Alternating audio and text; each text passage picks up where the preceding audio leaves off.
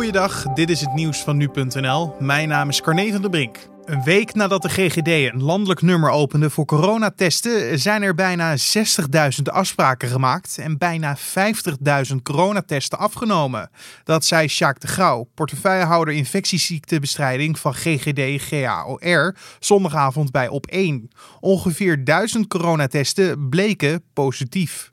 Hoewel de testcapaciteit gelijk over het land is verdeeld, bleek de druk op de testlocaties op de ene plaats hoger dan op de ander. Zo belden in Brabant en Limburg veel mensen en werden relatief meer tests afgenomen. De eerste dagen probeerde een vloedgolf aan mensen het telefoonnummer te bereiken, zegt de Gauw. Hoewel het precies aantal bellers niet bekend is, stond het aantal unieke bellers na een week op bijna 90.000. De laatste coronapatiënt in Nieuw-Zeeland is genezen verklaard. Er zijn nu geen mensen meer met een actieve besmetting in het land. De laatste patiënt, een vrouw uit de stad Auckland, is al 48 uur symptomenvrij en is daarmee officieel genezen van het virus, al dus One News.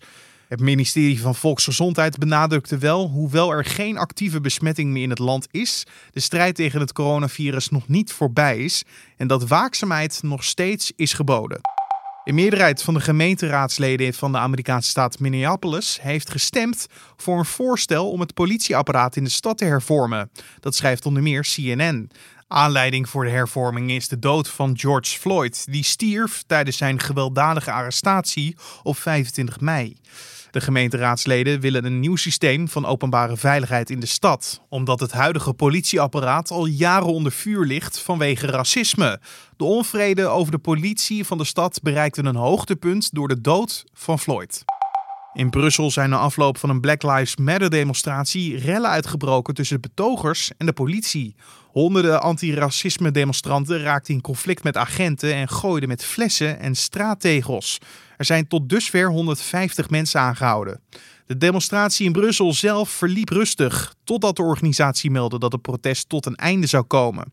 Op de demonstratie in de Belgische hoofdstad kwamen naar schatting 10.000 mensen af. Ook in Londen liep een demonstratie uit de hand. Politieagenten bij Downing Street werden belaagd nadat ze een demonstrant die over een dranghek was geklommen probeerden te arresteren.